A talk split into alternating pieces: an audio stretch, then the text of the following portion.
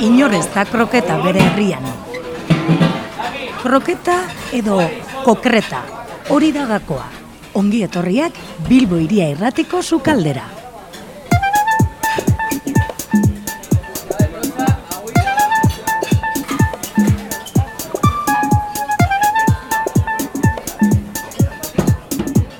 Oroitzapen historikoa, oiturak, erreferentzia soziokulturalak, esaerak, atxotitzak, kontzeptuak, konnotazioak, jokorako gaiak, baliabideak, hitzen arteko loturak, eta esatari entzulen arteko konplizitateak. Horiek guztiak gure zaioaren osagaiak. Lapikoak martzan ditugu, sukaldea prest.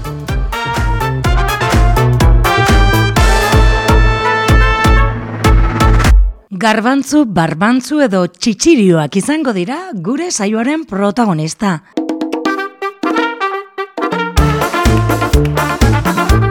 Lapiko egunean indabak izaten dira nagusi, baina Bilbo iria irratiko marmetan barbantzu, garbantzu edo txitsirioak sukaldatuko ditugu. Ongi etorri, inorez da kroketa bere herrian.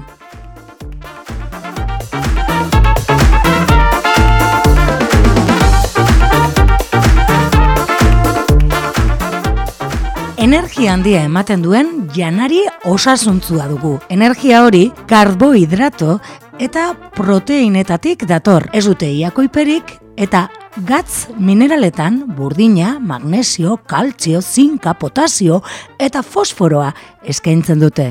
Eusaugarri guzti hauek izanik, ezin eskin egin garbantzuei. Inorez da kroketa bere herrian, garbantzuak era askotako errezetak eskaintzen dizkigu. Klasikoak, lapikoan, salda eta okelarekin, entxaladan, umusa, guzti horiek izango ditugu protagonista. Garbantzu, barbantzu edo txitsirio. Nola jaten dituzue? Eta nola izendatu? Nere etxean e, garbantzuak erraten da eta beti saldarekin hartu izan ditugu.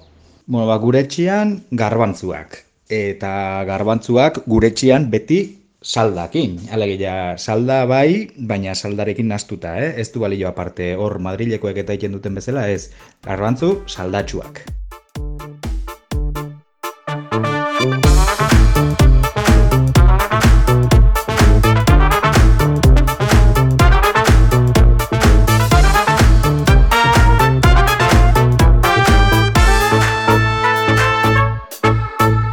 Txitsirio hitzaren jatorria frantzesesko txitxe da, eta azken hori latinesko zizer hitzetik dator.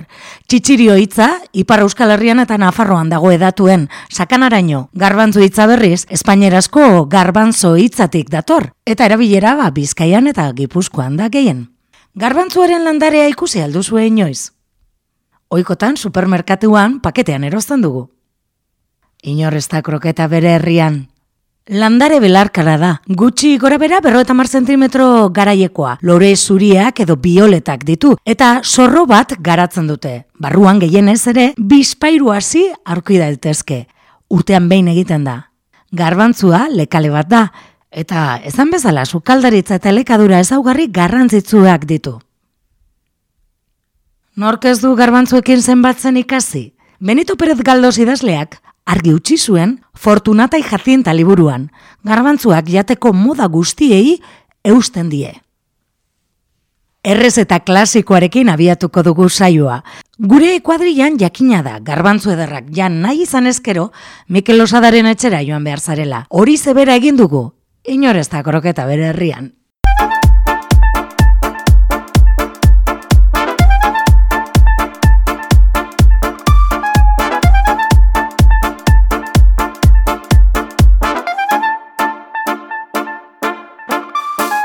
Garbantxo errezeta. Osagarriak. Garbantxuak, garbantxo onak, hemen diru alaga, ze honek emango txara sustantzia, saldari. Em, berakatza, kipula, porrua, piperberdia, sankarroia, esurra, kainazko esurra, horrek barruan e, fundamentua dakatena, eta listo, ezta? Orduan, garbantzuak, garbantzu honak, ohera joan aurretik, uretan laga, eta urreko, urreko goizian, sukaldatzea zuia zenian, ba, ureak endu, eta oia espresian hitz ditut nik, eh?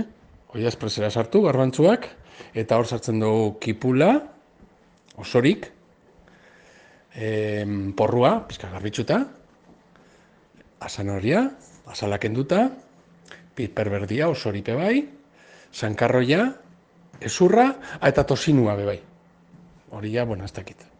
Neri gustatzen jata, ez da oso oso saludable, baina bueno, ni botatzen utzaz, zapore handi zamate utza. Orduan, ura bota, bueno, gatza, por supuesto, eta olisua, aceite de oliva virgen extra, fundamental, fundamentala be bai. Eta gero, trukua da, uran kantidadia asko botatzen bozu, ba, salda ez da oso ona egongo. Eta gitxi botatzen batzu, ba, botatzen baduzu, ba, errengo jatzu. Orduan, bueno, nire trukua da, kipula erditik eh, moztu, garbantzon, garbantzon gainean jarri, eta justo ura kipula kubridu, kubridu izan, eta, eta hori da uraren neurria. Itxi kasuelia, jarri zua atope, eta um, azten danian zarata itzen, berro eta bez minutu, a fuego lento. Txak, hori, hori alde batetik. Beste alde batetik ingo dugu tomate natural triturao, ingo txau sofrito bat, kipulakin eta piperberdiakin eta berakatzakin, eta hori ingo dugu tomatia gero sankarroia hor jartzeko. Eta dakau, bigarren edo hirugarren platerra egin da horrekin. Geo bebai, berza, asaloria, hori bebai, egosi, eta gero berakatzakin frigitu beste pasu bat. Gero, hori garbantzua egin da dauzenean, zabaldu, oi espresa, eta hemen aukera asko daude. Egin aldozu, lehenengo platerra sopia bakarrik, nik hori dut, sopia, kaldua, eta hori lehenengo edan itzen dut. Eta gero, bigarren platerra garbantzua zikuak, eta hor dakazu e, tosinua, sankarroia, nahi izan gero sankarroia hor, han botalduta zube bai zalda, garbantzuai, hori nahi dozu, nahi dozu nahi zue. Eta ez horretako barruko zera hori bebai. Eta hortze jate dozuz, basikua garbantzua. Eta hirugarren platerra, izango ditzake, ba hori, e, sankarroia tomatian indakua. Eta orduan dakau garbantzu batzukin, hiru plater. Sopia garbantzuak, eta gero, arabisa. Txak, rikisimo, maravilla, patxupar salos dedos. Garbantzuera klasikoan, baina esan bezala errezeta asko daude garbantzuaren inguruan. Umusitzak txitsirioa esan nahi du arabieraz, txitsirioak tainarekin. Umusa lehen aldiz, abastar kalifarrien garaian egin zen. Ezagutzen den humusantzeko errezeta zaharrena, amairu garren mendekoa da, kairon egina. Azken urteetan, humusaren jatorriak eta produktu hau esportatzeko eskubideak polemika piztu dute Libano eta Israelen artean. Gurean ere bada humusa ederto prestatzen duenik, eider da errezeta eman diguna.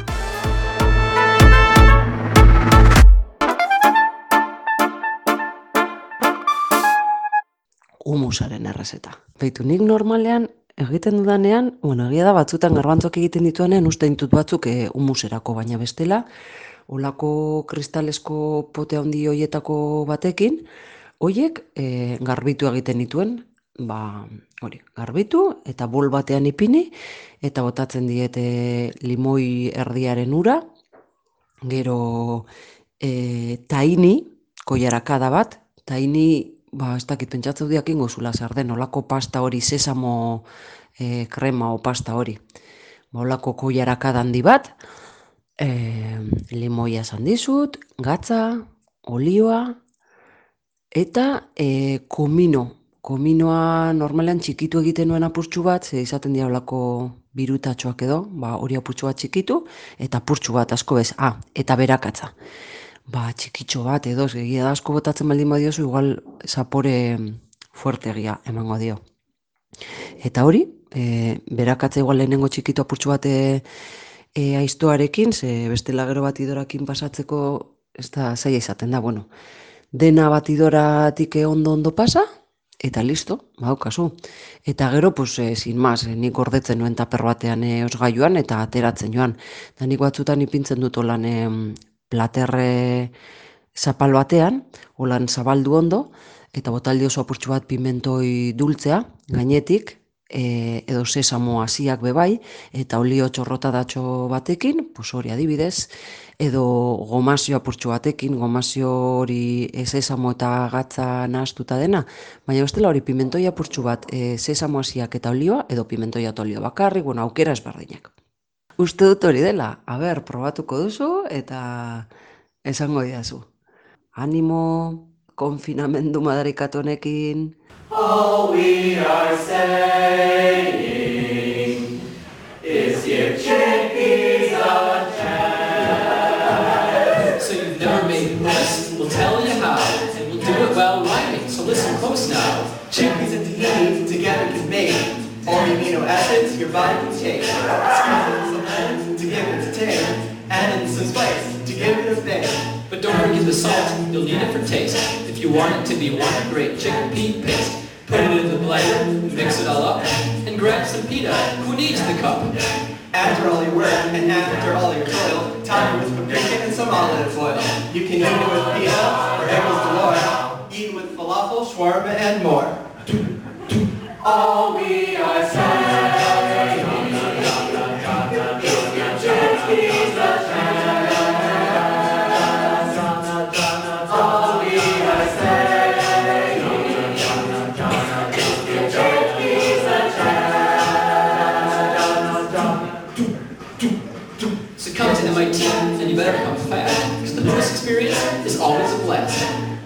All of it starts with this 101. You should bring your friends, it's a ton of fun. Then go to the taste off in lobby 10. Grab a bunch of spoons and eat hummus again. There are so many flavors like chili and lime, pine nuts and pepper, garlic and thyme. Or why make a dip? Dare to dream. I bet you never thought of making hummus ice cream. When you go to a party, now you know what to bring. A dollop of hummus goes with anything. To get your full of hummus, place to be. We're fans of hummus at MIT. All we are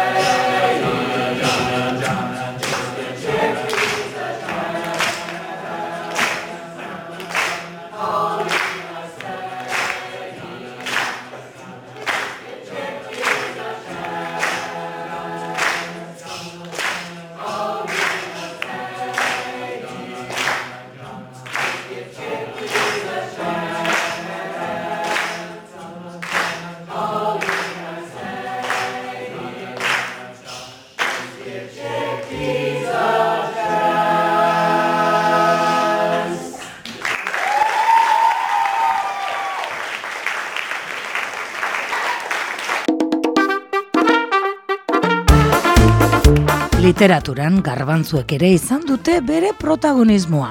Benito Pere Galdosek jende arruntez hitz egiteko zuen saletasunak egunero lapikoa jaten zuen jende normalaz hitz egiteko saletasunak hain zuzen ere Benito El Garbanzero goitizena eman zion. Ramon de Baien klanek jarri zion ez izena, Luces de Bohemia liburuan, mila bederatziron da hogeta lauean. Benito Pérez Galdós, Las Palmaseko idazlea hil eta lau urtera, Baien klanek bere esperpentoko gazte modernisten ahotan jarri zuen, hain zuzen ere, orain utzik dago Don Benito Garbanzeroren besaulkia. Eta ez zuen imaginatzen nolako ekaitza ekarriko zuen sorioneko izengoiti honek. Zenbaiten ustez, galdeosen ospearen idazle enbidiotzuen artean gauza arrunta zen garbantzilez izena. Beste batzuen ustez, Teatro Espainolek, mila bederatzireun da amabian, baieren obra bat estreinatzeari uko egin zion, polemika eta bi egileen arteko urruntze pertsonala eragin zuen honek. Egia esan, baien klanek galdos miretzi egiten zuen. Eta mila bederatzeron da hogeta mairuan oraindik esan zuen hizkuntza sortzaile bat izan zela, baina argi dago garbantzuarena ezela lizunkeria. Eta gure memorian ere, nola ez, barbantxuaren ipuina ere badugu hiltzatuta. Norkeztu ametzka historik izan, barbantxu bezala lapikora jauzi eta behiak jan egiten zaituela. Barbantxo. Behin batez, herri txiki batean, aita ama eta barbantxo bizi ziren. Barbantxo txiki txikia zen. Bere aitak basoan egiten zuen lan. Egun batean, ama gaixorik zegoen eta ohean gelditu zen. Horregatik, barbantxok prestatu zuen bazkaria, aitari mendira eramateko. Kontu zibili esan zion amak, eta ez erori.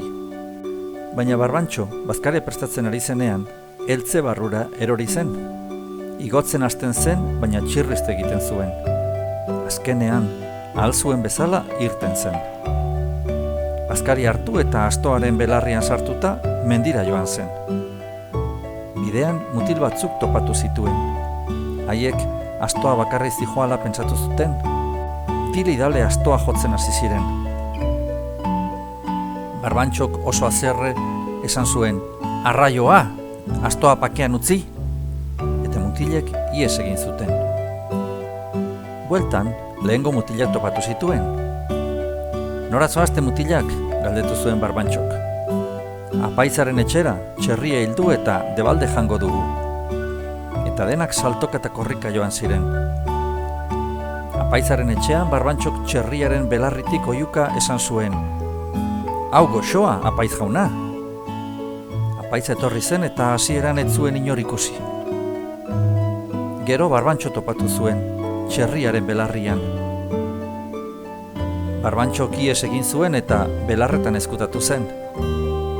Han, behi bat zebilen, eta belarrarekin batera, barbantxo jan zuen. Luna barrean, maili ikulura joan zen. Maili apaizaren eskamea zen. Han, ahots bat entzuten zuen. Hemenago, hemenago! Hasieran maili beldurtu egin zen, baina gero barbantxo ezagutu zuen. Non zaude barbantxo? Behiaren barruan. Eta noiz irtengo zara? Behiak turtura egitean. Behiak kaka egin zuen. Barbantxo zikin zikin irten zen. Gero oso ederki bizi izan zen. Eta alabazantez bazan, zar dadilak alabazan, eta atera dadila herriko plazan.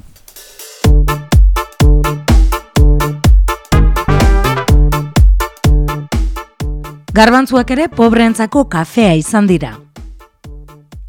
Leku askotan garbantzua kafearen ordezkoa izan da historikoki. Ale batzuk belztu, erre eta hautzetatik uretan iragitan jarri eta kafea emit, kafearen edaria emitatzen zuen. Europako azken gerra handian asko izan ziren erabilera hori zahar berritu zutenak eta etzeetan lata biribilez egindako errotatxoak erabiltzen ziren aleak pizteko.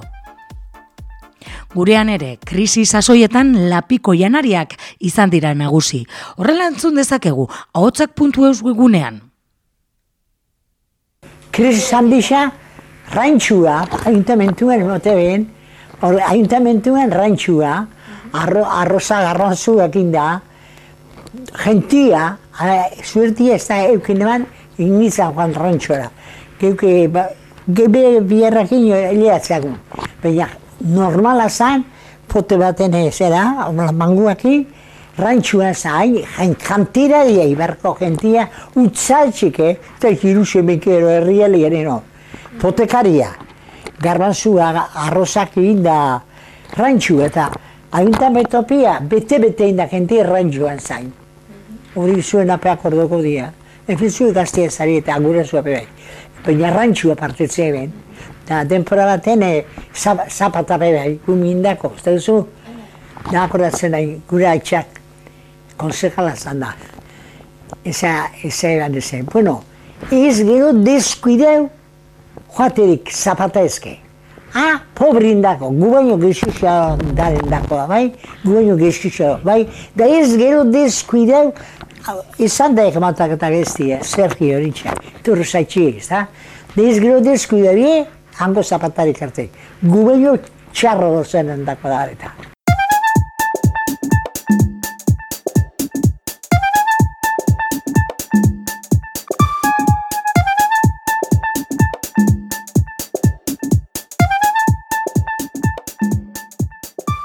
Baina saioaren hasieran aipatu bezala, garbantzuak prestatzeko mila forma eta era daude.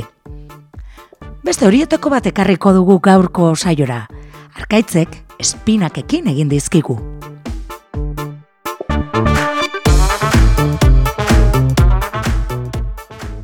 Garbantzuak e, beratzen jarriko dugu aurreko gabaz, eta hurrengo gunean, ba, garbantzuak kolatu eta garbitu, txurrupean ondo garbitu.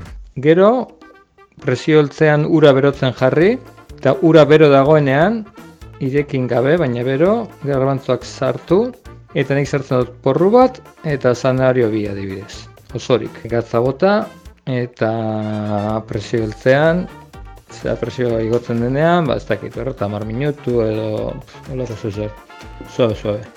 Bitartean, beste lapiko zapal batean, edo sartagin batean, kipular ditxo bat edo frigitzen jarri, eta horra botaten dut espinaka fresko pakete bat, bultzetan datozenak.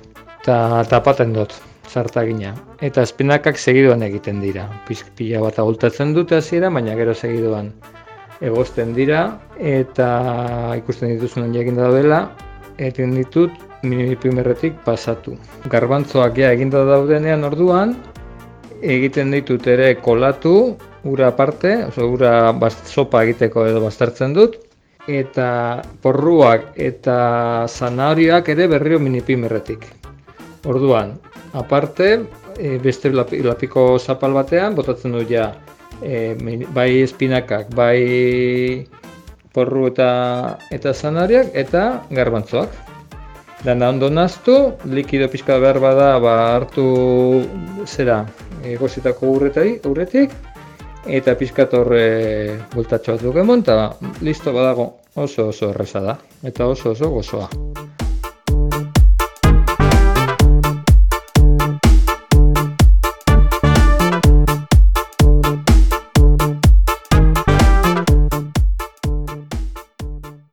Inor ez da kroketa bere herrian, Garbantzuak jende zearen jana izan bada ere, badakigu izugarri jaki gozoa dela. Honegin, buen provecho!